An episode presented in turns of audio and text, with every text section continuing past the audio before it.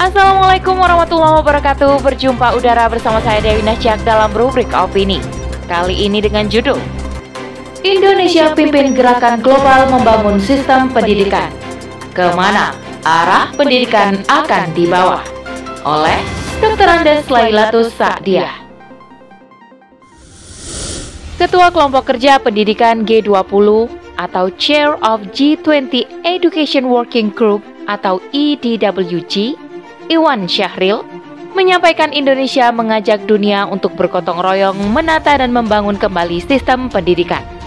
Iwan juga menjelaskan bahwa Indonesia akan memimpin gerakan global untuk menata kembali dan membangun sistem pendidikan. Akankah kelompok kerja pendidikan G20 mampu mewujudkan sistem pendidikan yang melahirkan generasi berkualitas? Berbekal terobosan-terobosan kebijakan Merdeka Belajar yang transformatif, Indonesia dipandang sebagai contoh yang baik di mana Indonesia dinilai telah berhasil melakukan transformasi pendidikan menyeluruh yang berkualitas. Pandemi COVID-19 telah memperburuk kondisi masyarakat yaitu dengan memperluas kesenjangan sosial ekonomi dan membawa perubahan signifikan pada sistem pendidikan dan dunia kerja.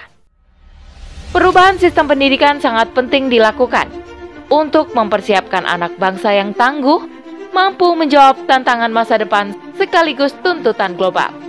Iwan menjelaskan, ketimbangan dalam mengakses pendidikan yang berkualitas serta ketidaksiapan siswa untuk menghadapi dunia kerja sudah menjadi isu tantangan global selama beberapa dekade terakhir.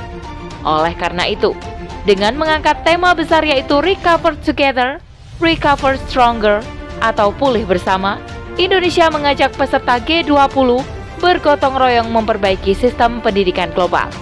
Iwan menambahkan, ada empat agenda prioritas yang harus menjadi dasar arah perbaikan sistem pendidikan, yaitu pendidikan berkualitas untuk semua, teknologi digital dalam pendidikan, solidaritas dan kemitraan, serta masa depan dunia kerja pasca COVID. Perlu diketahui, EDWG hari pertama dihadiri 27 delegasi secara luring dan sebanyak 64 delegasi hadir secara daring. Tidak bisa dimungkiri, hantaman berulang gelombang COVID-19 telah berhasil memorak-porandakan kehidupan masyarakat di Indonesia maupun global. Ambruknya sistem kesehatan, meningkatnya pengangguran, tak terbendungnya kasus kriminal adalah hal yang tak bisa terelakkan. Belum lagi perkara pendidikan. Seiring meningkatnya kasus COVID-19 dengan berbagai variannya, pengajaran daring menjadi pilihan pemerintah. Tantangan besar pun harus dihadapi oleh pendidik dan anak didik. Tidak bisa dimungkiri, terbatasnya ruang belajar berdampak langsung pada kualitas pendidikan yang dihasilkan. Hal ini menjadi perhatian khusus pemerintah. Bagaimana peserta didik dengan sistem pengajaran yang ada agar tetap mampu memenuhi tantangan global. Dalam kelompok kerja pendidikan G20, melalui empat program prioritas, Indonesia beserta negara peserta G20 berusaha merumuskan dan menata kembali sistem pendidikan sehingga nantinya mampu memenuhi tuntutan global dan siap menghadapi dunia kerja. Maka, tak ayal jika kurikulum pendidikan yang ada pun akan diselaraskan demi tercapainya kualitas peserta didik sebagaimana permintaan pasar. Inilah bentuk pragmatisme dalam dunia pendidikan. Menjadikan tercapainya materi dalam tujuan pendidikan. Padahal, sejatinya tujuan pendidikan adalah bicara bagaimana mencerdaskan kehidupan bangsa, niat lurus menuntut ilmu, hingga nantinya keilmuan yang didapatkan akan mampu menjadi problem solver di tengah-tengah kehidupan masyarakat. Konsep dan arah pendidikan yang keliru sangat berbahaya untuk generasi di masa mendatang. Sebagaimana sistem pendidikan yang pragmatis akan melahirkan kualitas generasi yang pragmatis pula. Hal ini dapat kita lihat bagaimana kualitas generasi saat ini, di mana melahirkan generasi instan yang cenderung berkompromi dengan realitas akibat miskin idealisme, individualis, serta materialistis. Lalu, bagaimana jadinya jika generasi minim idealisme, individualis, serta materialistis menjadi pemimpin bangsa di masa mendatang? Hal itu sama dengan kondisi saat ini wakil rakyat yang kini mengklaim bekerja atas nama rakyat. Namun kebijakan yang dilahirkan layaknya pengkhianat rakyat. Tergabungnya Indonesia dalam organisasi internasional menjadikan Indonesia tunduk dan mengikuti percaturan politik internasional, termasuk dalam menentukan arah pendidikan nasional dari segi pembiayaan sesuai dengan arahan global WTO yang meratifikasi perjanjian GATS. Penyelenggara pendidikan adalah salah satu sektor jasa yang diarahkan untuk diprivatisasi. Pemerintah Indonesia pun mengamini kebijakan tersebut, salah satunya dengan adanya realisasi kebijakan kampus merdeka. Nadiem Makarim selaku Mendikbudristek mendorong pendidikan tinggi untuk menyegerakan menjadi perguruan tinggi negeri Badan Hukum atau PTNBH.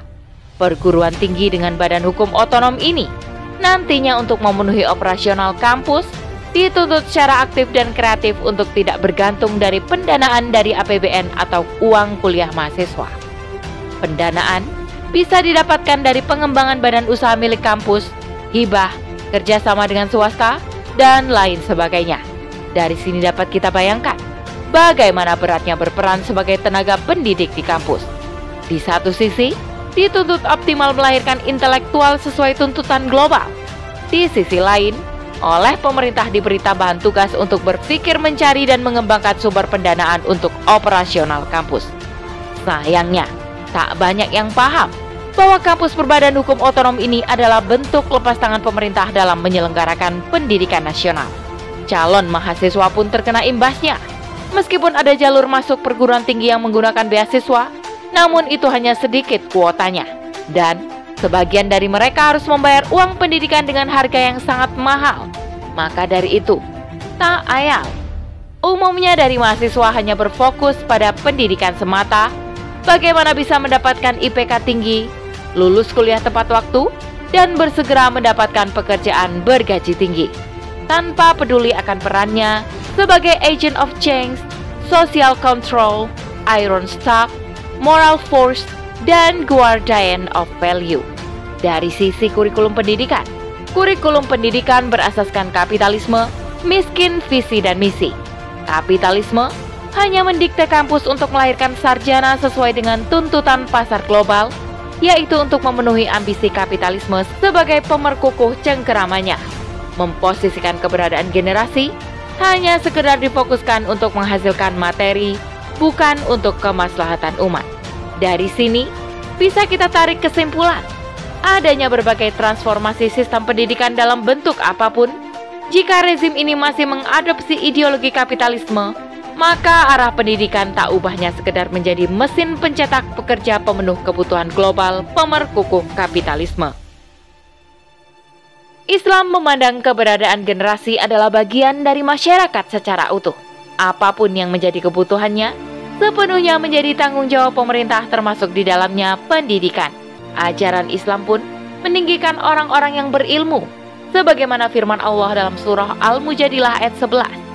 Allah akan meninggikan derajat orang-orang beriman dan orang-orang yang telah diberi ilmu. Maka dari itu, Islam dalam bingkai khilafah akan mendorong generasi yang ada untuk berlomba-lomba untuk menuntut ilmu dan khilafah memfasilitasi apa pun yang dibutuhkan. Berkaitan dengan visi pendidikan di masa khilafah ada tiga tujuan mendasar, yaitu pertama, membangun saksiah Islam. Setiap peserta didik ditanamkan pola pikir dan pola sikap sesuai syariat Islam.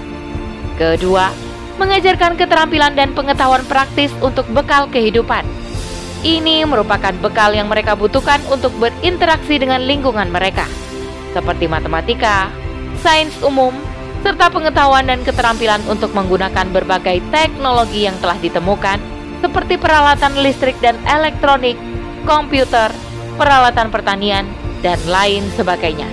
Ketiga, mempersiapkan generasi untuk memasuki jenjang pendidikan tinggi atau universitas, yaitu dengan mengajarkan ilmu-ilmu utama berkaitan dengan sakofah seperti fikih, bahasa Arab atau tafsir Al-Quran, ataupun ilmu empiris seperti matematika, fisika, biologi, atau kimia, di mana tujuannya untuk menciptakan kepribadian-kepribadian yang terhormat, para ulama, ilmuwan, dan pakar dalam setiap bidang kehidupan sebagai cerminan generasi khilafah yang mewujudkan negara adidaya dunia terdepan dan berpengaruh.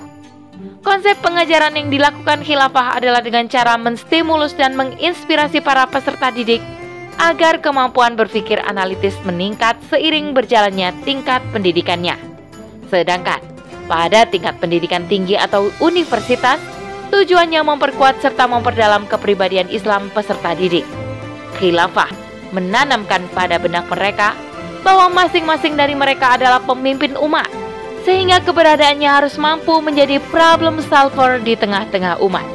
Berani menunjukkan identitas serta jati dirinya seperti memastikan pelaksanaan Islam yang benar, mengoreksi kepemimpinan, mengemban dakwah Islam, dan menghadapi ancaman-ancaman terhadap persatuan umat, agama, ataupun khilafah. Dengan demikian, pendidikan tinggi khilafah akan melahirkan berbagai profesi yang menunjang kebutuhan vital masyarakat, seperti dokter, guru atau pengajar, perawat, serta berbagai profesi lainnya. Proses belajar dan mengajar yang senantiasa menggabungkan materi dengan ruh melahirkan generasi yang bertakwa kepada Allah Ta'ala. Mereka sadar betul apa yang mereka lakukan di dunia ini akan dipertanggungjawabkan, sehingga apa pun aktivitasnya akan bersandar untuk mendapatkan ridha Allah. Keberadaan khalifah sebagai pemimpin negara sadar betul atas tanggung jawab kepemimpinannya di hadapan Allah. Maka, Sebagaimana fungsinya sebagai pengurus urusan umat, Khalifah melalui Baitul Mal akan memenuhi seluruh kebutuhan pokok masyarakat, tidak terkecuali masalah pendidikan dengan seluruh kebutuhan penelitian dan inovasi yang bermanfaat untuk kemaslahatan umat. Khilafah berkewajiban mengelola sumber daya alam yang dimiliki, kemudian mengoptimalkan hasilnya untuk kepentingan umat semata. Inilah gambaran sistem pendidikan khilafah sangat berbeda jika dibandingkan sistem pendidikan dengan sistem kapitalisme saat ini. Kebangkitan Islam adalah suatu keniscayaan. Keruntuhan kapitalisme tinggal menunggu waktu. Ada di mana posisi kita saat ini akan menjadi pertanggungjawaban kita di akhirat nanti. Maka tidak ada pilihan lain selain ikut dalam barisan yang memperjuangkan kembalinya sistem Islam. Semoga ini bisa menjadi hujah di akhirat kelak. Wallahu a'lam bisawab. Demikian rubrik opini kali ini. Sampai bertemu dalam rubrik opini selanjutnya. Saya Dewi Nasya kundur diri. Assalamualaikum warahmatullahi wabarakatuh.